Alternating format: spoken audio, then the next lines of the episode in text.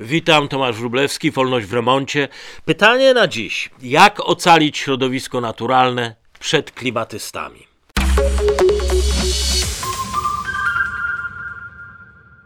Lobby klimatyczne, jak każdy progresywny ruch społeczny, gender, antyrasizm, LGBT, musi spełniać trzy warunki, żeby zawładnąć naszymi umysłami, a potem zmieniać świat. Po pierwsze, determinizm. Musi nas przekonać, że wszystko, co nas otacza, energia w kontakcie, nasze zwyczaje, prawa, styl życia, nawet nasza tradycja, wszystko prowadzi do jednego, do katastrofy. Apokalipsa. Apokalipsa właśnie to jest ten drugi warunek, który musimy spełnić, żeby przekonać opinię publiczną o nieuchronności zagłady planety. Tak jak Black Lives Matter czy Antifa musi nas przekonać, że największym zagrożeniem społecznym jest faszyzm, tak tu musimy być przekonani, że czeka nas zagłada. Trzeci warunek to konsensus. Nikt nie może wątpić w nadchodzącą zagładę. W głowach musi nam się wszystko wyryć, poprzekładać, że katastrofa klimatyczna to niezaprzeczalny fakt naukowy, coś co nie podlega dyskusji. Wszyscy uczeni twierdzą, znamy to. Wszyscy rozumni ludzie zdają sobie sprawę. A pozostali niech potraktują to trochę jako strzeżenie, że w najlepszym razie uznani zostaną za obłąkańców, a w najgorszym razie sami staną się faszystami, rasistami, klimatycznymi wrogami, co tam jeszcze. Trzy warunki, o których od których zależy, czy rząd i y, parlamenty świata zmienią swoje prawa, a z nimi odmienią nasze życie. I nie chodzi o zmianę zawartości CO2 w powietrzu, ale o zmianę porządku społecznego. To jest to, co różni badania naukowe od ideologii klimatycznej. Green Deal czy Zielona Europa ma tak naprawdę na zielono zaorać pół przemysłu, zmienić to jak, co i czym jemy jak mieszkamy, jak podróżujemy i czego tak naprawdę wszyscy chcemy od życia. O tym mówiłem już trochę w wolności remoncie wcześniej, ale na tafli tej klimatycznej spójności zaczyna pojawiać się ostatnio rysa. Świat zielonej ideologii zaczął się rozjeżdżać po prostu ze światem nauki. Uczeni, publicyści, wielu dawnych działaczy mówi nam, mamy dość. Odrzucają tezę o tej nieuchronności rewolucji i cały antykapitalistyczny, antyrynkowy nurt forsowany przez najbardziej zaciekłych e, działaczy. Punktem zwrotnym do obalenia klimatycznego konsensusu zdaje się być tutaj nowy film lewicowego reżysera Michaela Mura, film Planeta Ludzi. Film brutalnie, bardzo brutalnie obchodzi się z organizacjami e, ekologicznymi, przemysłem mieniącym się ekologicznym. Wykazuje hipokryzję tych działaczy, manipulacje, no i też pojawiają się zwykłe oszustwa ekokorporacji. Mur jest niewątpliwie najgłośniejszym dziś klimatycznym obrazoburcą, ale e, daleko nie jedynym. Profesor Judy Carey, jedna z pionierek badań klimatycznych, od blisko 40 lat specjalizuje się w fizyce atmosferycznej. Pani Carey również została uznana za wroga klimatu, e, zbanowana przez e, kilka naukowych czasopism klimatycznych za esej, uwaga, parodia wymuszonego konsensusu. Kary zwraca uwagę, że 49% wszystkich opracowań naukowych nie przystaje już dziś do głoszonej jednomyślnej wykładni klimatystów, ale tylko 1% z nich zostaje odnotowany w mediach piszących o klimacie. Judy Carey sama pisze. Histeryczna narracja niektórych uczonych zastępuje ciężką pracę, po czym domagają się od innych konsensusu, irytują ich nasze dociekliwe pytania, wytykanie błędów w badaniach. Konsensus nie bierze jeńców. Wspomniany Richard Michael Moore, jak sam siebie nazywa oddany socjalista, wyrósł z lewicowych grup protestu jeszcze, jeszcze do niedawna był uważany za guru całego tego środowiska. Z dnia na dzień stał się wrogiem numer jeden.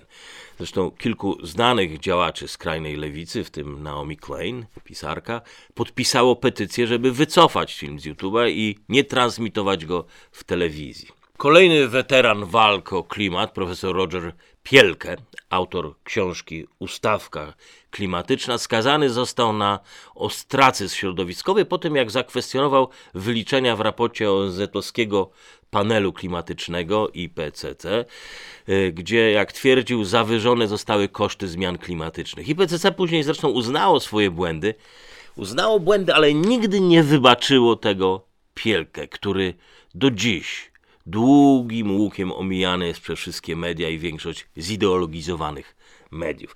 E, przy czym Pielkę, jak sam pisze, uważam, że zmiany klimatu są realne i że emisja gazów cieplarnianych wymaga działań. Jednak moje badania pokazują, że brak jest dowodów na to, że huragany, powodzie, tornada lub susza stały się częstsze lub intensywniejsze w ostatnich czasach.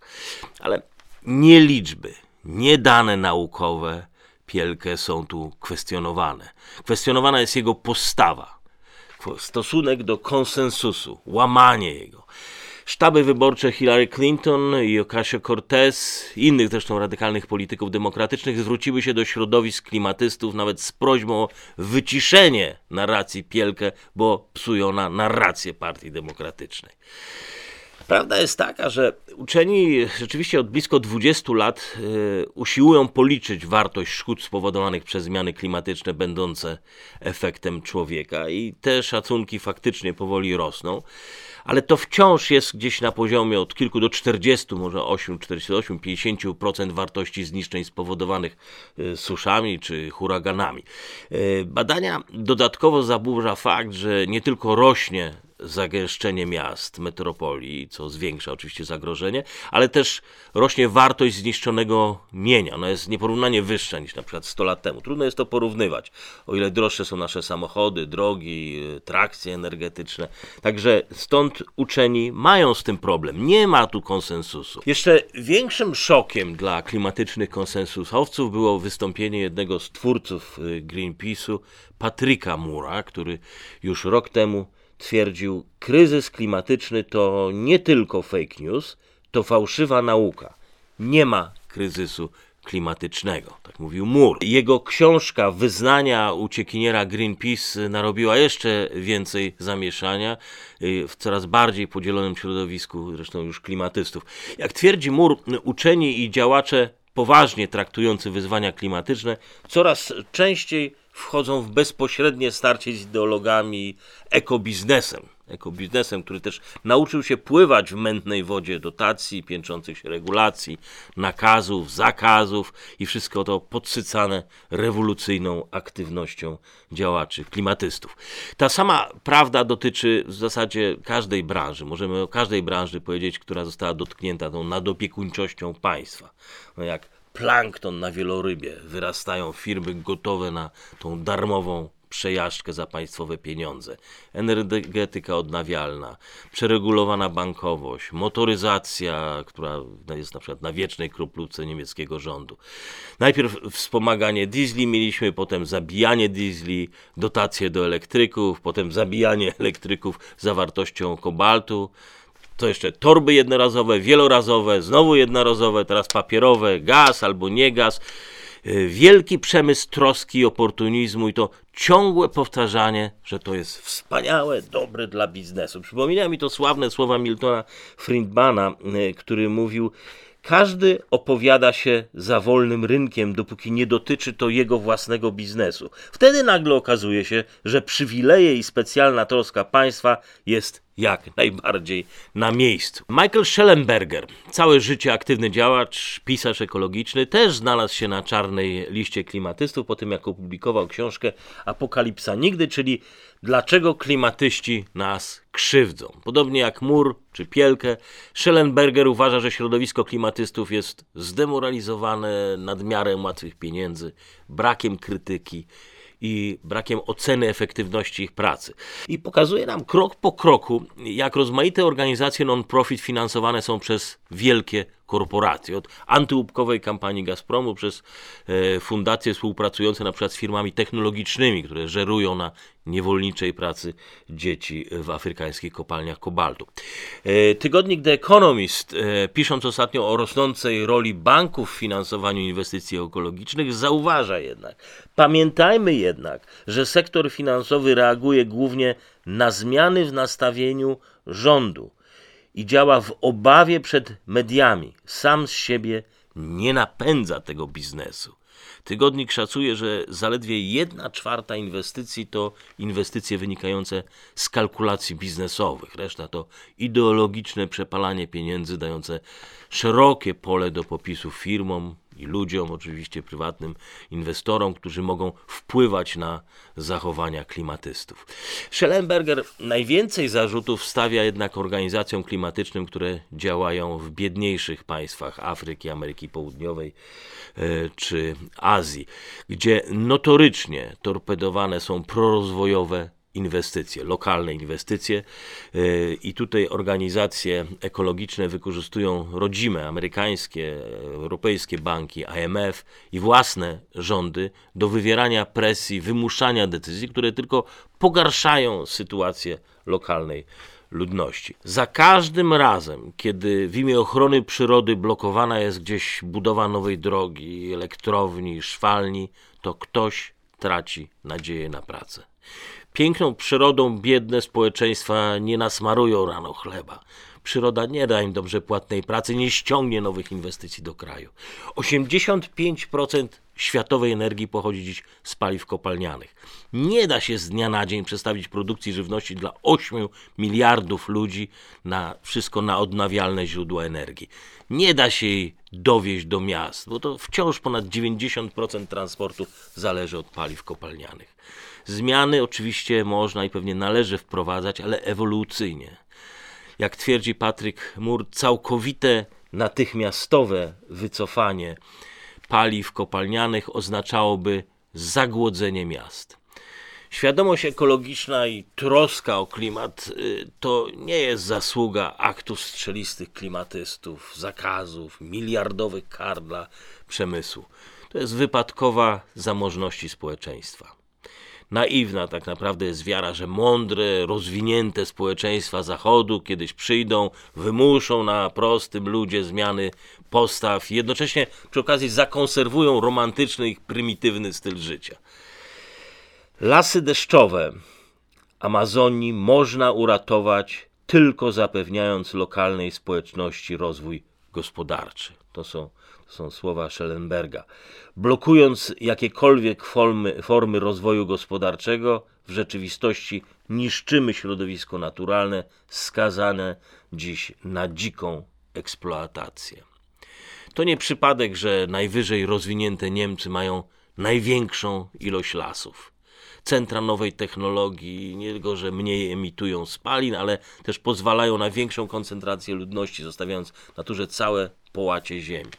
Dalej, to dzięki tworzywom sztucznym radykalnie zmieścił się na przykład popyt na kość słoniową. Rozwój przemysłu farmaceutycznego pozwolił na ratowanie wielorybów czy żółwi. Przemysł jest konieczny dla ekologii zniechęcając na przykład do samochodów spalinowych, bez proponowania alternatywnych, tanich, przede wszystkim tanich rozwiązań, klimatyści tak naprawdę domagają się obniżenia standardu życia i, i to już nie tylko mieszkańcom trzeciego świata, ale też oczywiście i biedniejszym obywatelom bogatych państw. Łatwo jest podnieść ceny paliw w imię wielkich, szlachetnych celów. Znacznie trudniej jest potem, jak się okazuje, opanować gniew żółtych kamizelek we Francji. Ale odpowiedzialność i tak nigdy nie spada na tych, którzy podjudzali do społecznie nieodpowiedzialnych klimatycznych decyzji. W Kalifornii właściciele małych firm i działacze lokalnie obecnie skarżą do sądu władze stanowe, bo nadmiar regulacji, wysokie ceny energii zabijają małe średnie firmy. Wylobowały to oczywiście organizacje troski klimatycznej, ale odszkodowania przyjdzie płacić z pieniędzy publicznych. Znowu kosztem wydatków na szkoły czy pomoc społeczna, znowu uderzając w najbiedniejszych. Profesor William Nordhaus, jego taki model dynamicznej, zintegrowanej gospodarki klimatycznej, e, w skrócie nazywany DICE, pozwala dziś na obliczanie społecznych kosztów emisji dwutlenku węgla, przynajmniej szacowanie.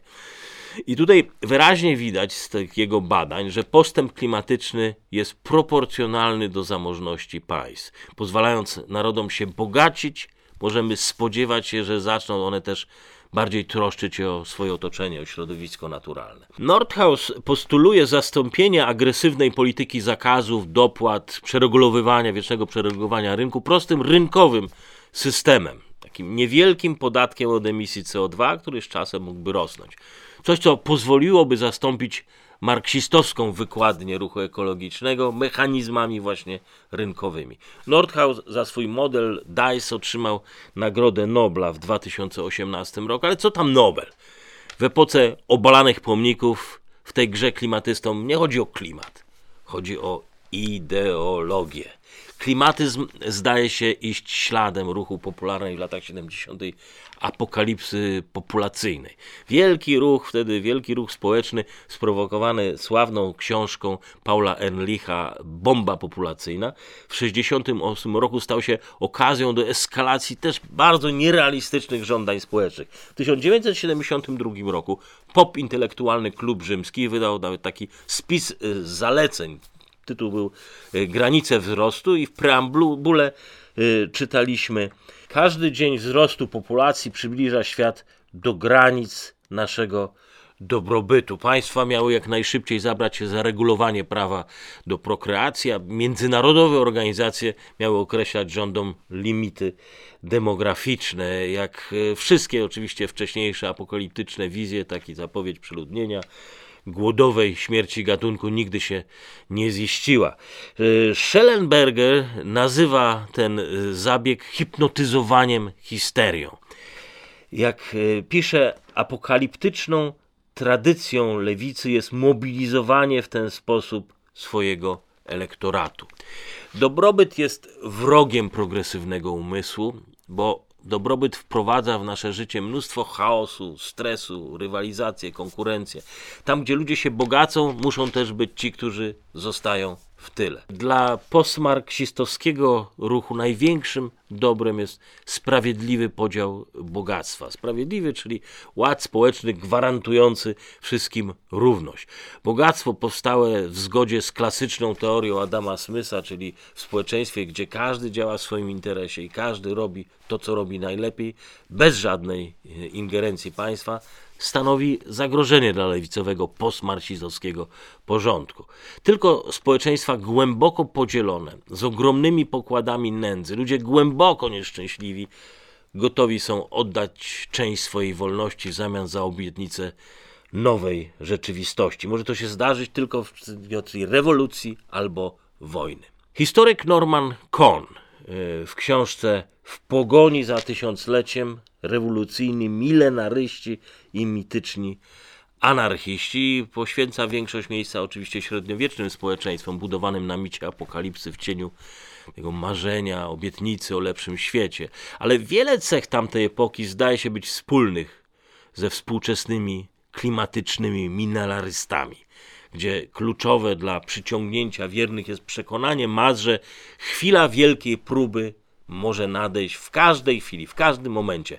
I każde niezwykłe zdarzenie może nam to zwiastować. Stąd tak wielkie znaczenie klimatyści przywiązują do każdego załamania pogody czy kataklizmu. Pożary w Australii to jest susza tysiąclecia, a kiedy zamiast polskiej suszy stulecia leją deszczy, deszcze, to deszcze zwiastują anomalie i rychłą oczywiście apokalipsę. Green New Deal w Ameryce czy Zielona Europa tak naprawdę tylko pozornie mają przeciwdziałać zmianom klimatu, bo jeżeli dobrze wczytamy się w oba dokumenty, to znajdziemy tam całe mnóstwo tych apokaliptycznych przesłań sprowadzających narrację do podporządkowywania ludzi wyższym abstrakcyjnym celom, jak choćby właśnie ratowanie planety gdzieś tam dla kiedyś, dla kogoś, dla potomnych. Amerykański pisarz od lat analizujący narrację współczesnych ruchów społecznych David Adler e, twierdzi, że jak wiele ruchów społecznych, które ukrywają swoje polityczne cele pod parasolem troski społecznej, klimatyzm też skończy katastrofą. Tyle tylko, pisze Adler, to nie będzie katastrofa, przed którą klimatyści nas dzisiaj ostrzegają. Tak jak samo unicestwienie kapitalizmu nie było katastrofą, przed którą przestrzegali nas marksiści. Prawdziwą potwornością okazał się marksizm, faszyzm, leninizm który miał nas ponoć chronić przed kapitalizmem. Kolejne, co łączyło wszystkie ruchy milenarystyczne, to skala zapowiadanej katastrofy, czyli totalna zagłada. Nie jakieś tam pogorszenie warunków życia, ale anihilacja planety, wyginięcie ludzkiego gatunku. Przepowiednie muszą nieść w sobie spory ładunek mocy nadprzyrodzonych. Siły natury musimy powoli obłaskawiać. Jeżeli chcemy, żeby nasze wnuki miały czym oddychać, żeby miały co jeść, musimy wszyscy zaufać Mesjaszom pozbyć się dóbr doczesnych, zrezygnować z życia, jakie znaliśmy i podążać drogą przez Mesjaszy wytyczoną. Stąd cała ta terminologia wrogów, niedowiarków. Kom pisał swoją książkę na długo przed narodzinami klimatyzmu i w milenaryzmie dostrzegał głównie wtedy podobieństwa do wcześniejszych ruchów totalitarno-rewolucyjnych, od komunizmu po, po faszyzm. E, powielaniem milenaryjnych mechanizmów zajmował się też inny amerykański filozof, John Gray, który, jak pisał, milenaryjna mentalność nie zakończyła się wraz z upadkiem średniowiecznej religii. Świeckie ruchy totalitarne w XX wieku wykazywały podobne wzorce myślenia. Komuniści, naziści spodziewali się historycznego kataklizmu, pęknięcia w historii, w którym ludzkie życie ulegnie całkowitej przemianie. Oba wieściły apokaliptyczną koncepcję zbiorowego zbawienia, która była strukturalnie identyczna ze średniowiecznymi wierzeniami. To nie Bóg już prowadzi do zbawienia świata, tylko wybrana grupa społeczna uważana za szczególnie postępową, czy kiedyś rasowo wyższą, to oni zainicjują cudowną przemianę świata. Jakobini, bolszewicy, maoizm, Polpot, naziści, wszyscy są bardzo dobrze opisani w analizach Kona i Greya i wszystkie te grupy były gotowe niszczyć ład społeczny w drodze do budowy nowego, swojego ładu społecznego. Patrick Moore, e, cytowany przez dziennik Wall Street Journal, zauważył, że kiedy zimna wojna się skończyła, wielu tych działaczy lewicowej pop inteligencji po prostu zaczęło się przenosić do ruchu ekologicznego, do którego wnosili zarówno neomarksistowskie idee, jak i narzędzia do oddziaływania na opinię publiczną. Ruch ekologiczny tak naprawdę został porwany przez działaczy politycznych, którzy nauczyli się z czasem używać zielonego języka tylko po to, żeby maskować programy, które miały więcej wspólnego z antykapitalizmem i antyglobalizacją niż z ekologią. E, pamiętam, e, mówił Mur, jak odwiedziłem nasze biuro w Toronto w 1985 roku i byłem zaskoczony, jak wielu nowych rekrutów nosiło mundury wojskowe i czerwone berety, mające wyrażać poparcie dla sandynistów. I od razu może jeszcze jeden szybko cytat. Boston Globe bodajże nie najbardziej progresywny dziennik wojującej dziś lewicy w Ameryce. Green Deal to nie jest tylko rezolucja, chodzi oczywiście o rewolucję, rezolucję kongresu. To nie jest tylko rezolucja, to rewolucja. Kryzys klimatyczny to nie polityka, to życie i śmierć. W zlaicyzowanym społeczeństwie dobrobytu klimatyzm staje się jeszcze jednym ruchem społecznym, który ma wypełniać pustkę społeczną. Taki naturalny głód i poszukiwanie jakiegoś celu w życiu. Schallenberger mówi, że klimatyzm wypełnia ludziom życiorys bohaterskimi kartami. Pisze opowieść, jak ratowałem świat przed katastrofami ekologicznymi, choćby jak wspinałem się na wieżę przyszłej elektrowni w Ostrudzie. Niezwykle trudno jest prowadzić merytoryczną dyskusję z ludźmi, którym bliżej jest do biblijnych przypowieści średniowiecza i dodatkowo uzbrojono ich w marksistowską narrację antykapitalistyczną. Skuteczne rozwiązywanie problemów oznaczałoby zejście na ziemię, zaakceptowanie rzeczywistości, jaką jest, uznanie, że kluczem do ratowania środowiska naturalnego jest bogactwo narodów, a nie unicestwienie źródeł ich bogacenia się. Kapitalizm wielokrotnie nas ratował, także w latach 70. przed konsekwencjami przeludnienia, i teraz tylko kapitalizm może nas uratować przed konsekwencjami zmian klimatycznych. Nigdy, nigdy w historii burzenie porządku społecznego nie wyszło ludzkości na dobre i żaden naród nigdy nie zgładził się na żadnej rewolucji. Niektóre nawet 100 lat później, jak wiemy, nie mogą się z tego otrząsnąć. I ochrona środowiska, jeżeli ma pozostać nauką, to musi brać odpowiedzialność za całe, za całe środowisko, również za dobro człowieka. Nie może abstrahować od naszej, od ludzkiej natury, od dążenia do szczęścia, dążenia do bogacenia się. Musi się pozbyć marksistowskiego plecaka. W innym razie skończy jak wielu uczonych w przeszłości na czarnej liście intelektualistów pełnych dobrych chęci, którym przyszło wysługiwać się jakimś totalitarnym ideologom.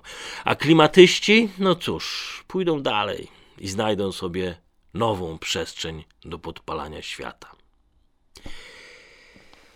Zostało nam jeszcze e, trochę kubków. Kubki były wyprodukowane z okazji setnego odcinka i 100 tysięcy subskrybentów. Odcinków jest już więcej, subskrybentów wciąż przybywa, za co go, oczywiście gorąco dziękuję. E, polecamy nasze kubki, informacje znajdziecie Państwo pod filmem. I oczywiście zapraszam też na kolejny odcinek Wolności w Remoncie na kanale Warsaw Enterprise Institute, a w studii wersji audio Spotify i na podcastach iTunes.